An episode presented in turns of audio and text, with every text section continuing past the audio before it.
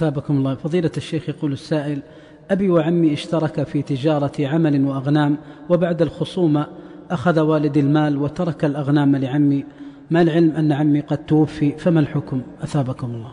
هذه خصومة لا يمكن أن نقول إن عمك مصيب أو والدك مصيب حتى نعرف حقيقة الذي جرى ووقع. ولا يجوز لأحد أن يدخل في خصومة حتى يسمع من الطرفين. فإن, دا فإن داود عليه السلام ابتلاه الله بالقضاء وفصل الخصومة فأرسل الله إليه الملك الملكين وتسور المحراب عليه في يوم عبادته فلما رآهما فزع فقال خصمان بغى بعضنا على بعض فاحكم بيننا بالحق ولا تشطط واهدنا إلى سواء السبيل والصراط دلنا على الحق بيننا خصومة. فقال, فقال أحدهما إن هذا أخي له تسع وتسعون نعجة ولي نعجة واحدة. فقال أكفلنيها وعزني في خصام. فقال داود مباشرة لقد ظلمك بسؤال نعجتك إلى نعاجه. كان المفروض أن ينتظر حتى يسمع من الطرف الثاني. ولذلك إذا ادعى أحد شيئا نسأل المدعى عليه. هل الذي ذكره هذا المدعي صحيح؟ فإن قال صحيح ننتظر حتى يقول صاحب الحق أريد حقي لأن القاضي موقفه حياد لا يميل لأحد الطرفين على حساب الطرف الآخر. فلما قال داود ذلك عاتبه الله من فوق سبع سماوات وبين له كيف يفصل بين الناس وهو أن ينتظر الخصم حتى يفرغ من خصومته ثم يعرض خصومته على الطرف الثاني لكي يستبين حقيقة ما ذكره فقد يقول شخص فلان ضربني وشتمني. فما يأتي الإنسان ويقول مباشرة لماذا تضرب وتشتمه يقول له هل صحيح أنك ضربت فلان وشتمته فيقال نعم ضربته ولكني لم أشتمه. وقد يقول أنا لم أضربه ولم أشتمه. وقد يقول أنا لم أقصد ضربه ولم أقصد شتمه. أنا وضعت يدي عليه فعدها ضربا وذكرته بكلمة طيبة فقلت وأنت كذا ففهمها سبا وشتما. إذا الفصل في الخصومات علم يحتاج الإنسان أن ينصف فيه الطرفان المراد به أن يتوصل به إلى إنصاف الطرفين وإعطاء كل ذي حق حقه. فأنت تقول إن الخصومة وقعت بين العم والوالد هذه الخصومة ما نعرف حقيقتها. ولا نقول إلا الأصل العام أن توصي أباك بتقوى الله عز وجل. وإذا كان يعلم أنه ظلم عمك يرد إلى عمك مظلمته. وإذا توفي العم يردها إلى ورثة العم. ويسأل الله أن يبيحه من أن يجعله في حل من حق الميت. وسيلقى الله بالخصوم التي وقعت بينه وبين الميت لأن الخصومات قد يكون فيها آه، اتهام وأذية باللسان كان يقول أن هذا سرق مالي أخذ مالي وتشويه سمعة الغير. هذه حكومتها إلى الآخرة إلى ديان يوم الدين. فإذا مات الميت ولذلك أمرنا النبي صلى الله عليه وسلم أن نتخلص بحكومة الدنيا قبل حكومة الآخرة. من كانت له عند أخيه مظلمة فليتحلله منها قبل أن لا يكون دينار ولا درهم. فإذا جاء شخص وظلم شخص فتوفي المظلوم ورد المال إلى أهله بقي السب بقي الشتم بقي التشهير بقي الازدراء بقي الكلام في المجالس بقيت الغيبة هذه كلها مكتوبة. أم يحسبون أنا لا نسمع سرهم ونجواهم؟ بلى ورسلنا لديهم يكتبون. كتبوا الكلمات. وكتبوا العبارات وكتبوا السب والشتم والهمز واللمز والخصومة والتعيير والتهم كلها مكتوبة. وترى المجرمين مشفقين مما كسبوا يوم القيامة لأنهم يروا دقائق الذر أمام أعينهم. ونضع الموازين القسط ليوم القيامة.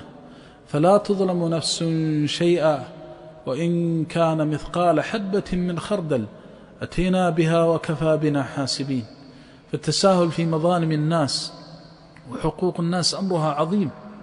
والشخص يجلس مع زوجته ومع قرابته ومع إخوانه يتكلم ويسب ويشتم ولا يبالي ومع أولاده يعير هذا وينتقص هذا. هذه الكلمات ما تذهب. ولو أنه رد والدك إلى عمك لا قدر الله وكان فيه ظلم أو خصومة فرد له المال بقيت هذه الحقوق. لا يتكلم أحد بكلمة في أحد إلا سأله الله عنها يوم القيامة. ما يلفظ من قول إلا لديه رقيب عتيد. فلان يسرع فلان بطيء فلان طويل فلان قصير فلان فلان هذه وراءها السؤال. فإن استطعت ألا تلقى الله بمظلمة وأن تلقاه خفيف الحبل غدا بين يديه فافعل رحمك الله. واعلم أن الأمر ليس مبالغا فيه بل حق كالشمس في رابعة النهار لأن الله أعذر إلى العباد. وإذا كان يوم القيامة في الدنيا سمع الله منا جميعا. في الدنيا نتكلم والله يسمع ويرى سبحانه وتعالى. أما في الآخرة فتخرس الألسنة. ولا يمكن أن ينطق أحد إلا بالحق. ولا يمكن أحد أن يتكلم إلا من أذن له الرحمن. وخشعت الأصوات للرحمن. خضعت وخشعت وذلت. فالثرثرة والكلام وإرسال الألسنة والضحك والتعيير. والعجب أن البعض حتى يأتي وينسب. في بعض الأحيان يجعل عمله حتى ينسبه إلى الشرع ونحن نقول هذا نذكر بعض الإخوة أن البعض يكون عمله منسوبا إلى الشرع في قناة أو غيرها. فكما ذكر بعض الإخوة يقول نشاهد بعض الإخوان وهم أخيار وقدوة يتكلمون يثرثرون في المباحات بل بعض حتى تصل إلى الغيبة. هذا اللامبالاة في الألسنة. وكون الإنسان إذا ظلم يفكر في المال فقط. المال فقط لا حقوق العرض. حتى إن الشخص ربما يأتي ويجلس في المجلس الواحد ويهلك بلسانه. اللسان فقط يهلك به وهو لا يدري لأنه يتكلم بالكلمة من سخط الله ما يلقي لها بالا. يهوي بها أبعد مما بين المشرق والمغرب. وكما أخبر النبي صلى الله عليه وسلم وصح عنه وهل يكب الناس في النار على وجوههم أو على مناخرهم إلا حصائد ألسنتهم أين أنت؟ أنت قرأت كتاب الله وقرأت أن الله عز وجل يسمعك ويراك وقرأت أن الملك رقيب على لسانك فتحفظ هذا اللسان في الخصومات. غالبا الخصومات تفني والعياذ بالله الحسنات. وهذا الذي يوجب على المسلم إذا كان بينه وبين أخيه خصومة أن يحفظ لسانه. المال يذهب ويأتي. لكن أن تنتهك عرض أخيك المسلم والمصيبة ليست هنا. والله إن الأمر عظيم. وما قال الله يوم ترونها تذهل كل مرضعة عما أرضعت وتضع كل ذات حمل كل ذات حمل حملها وترى الناس سكارى وما هم بسكارى ولكن عذاب الله شديد. ما ذكرها الله عبثا لكي تكون على بينة من أمرك. خصومات تذهب الحسنات باللسان. فالشخص قد يكون مظلوما ويصبح ظالما بلسانه من كثرة ما يتكلم وينتهك من عرض أخيه المسلم. فإذا المظالم لا تتوقف على المال. مظالم اللسان وزلات اللسان مهلكة. وكان أبو بكر رضي الله عنه يمسك بلسان نفسه وهو صديق الأمة رضي الله عنه وأرضاه. يقول هذا الذي أوردني الموارد.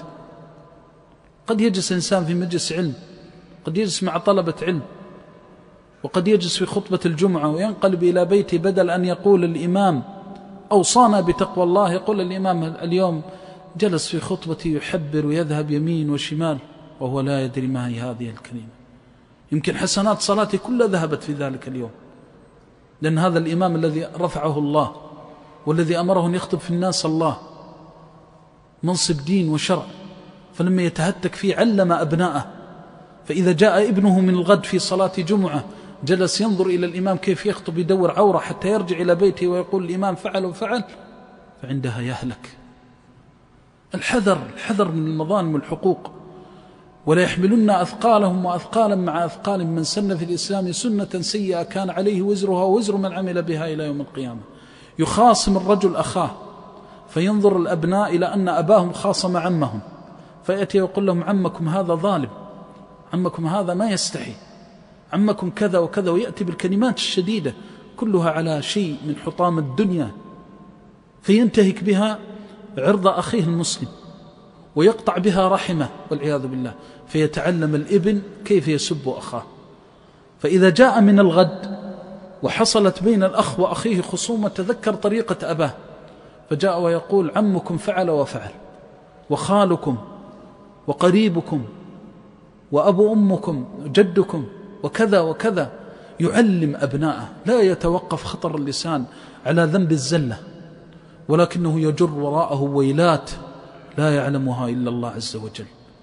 الحذر وخاصة حينما يكون معك أبناؤك أو طلابك أو معك أحدا من الناس أو من ينظر إليك كطالب علم أو ينظر إليك كملتزم مستقيم بطاعة الله عز وجل تحبس هذا اللسان وتخاف من زلاته وتعلم الغير كيف ينتبه. ولقد كان الناس إلى عهد قريب كانوا يربون أبنائهم على الخوف من زلة اللسان. زلة اللسان تهلك أمة وتشقي العبد وتسعده كما أخبر النبي صلى الله عليه وسلم إن العبد لا يتكلم بالكلمة من رضوان الله ما يلقي لها بالا يكتب الله له بها رضاه إلى يوم يلقاه. يمر على الرجل العاصي فتأخذ حمية الدين لا حمية الجاهلية. ويقول له يا أخي اتق الله. إن هذا الأمر فيه وفيه هذا أمر حرمه الله ورسوله. ويذكره ويخوفه فيستهزأ به ويهان ويذل وقد يضرب وقد يشتم وتغيب عليه شمس ذلك اليوم وقد غفرت ذنوبه. وقد تغيب عليه شمس ذلك اليوم وقد رفع في جنات الفردوس درجات. هذا هو اللسان. فالمظالم لا تتوقف على المال في أخذ المال أو رده. مظالم الأدهى والأمر العرض.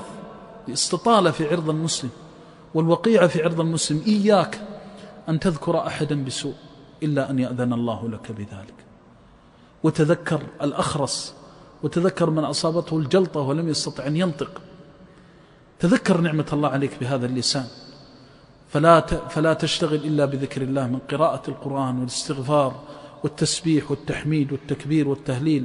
اللهم أنت الله لا إله إلا أنت نسألك أن تعصمنا وأن تصلح أقوالنا وأعمالنا. اللهم سدد أقوالنا وصوب آراءنا واجعلنا فيما يرضيك عنا. نعوذ بك من الزلل ونعوذ بك من خطأ القول والعمل ونعوذ بك من شرور أنفسنا ومن سيئات أعمالنا. رب اغفر وارحم وتجاوز عما تعلم إنك أنت الأعز الأكرم. سبحان ربك رب العزة عما يصفون وسلام على المرسلين والحمد لله رب العالمين.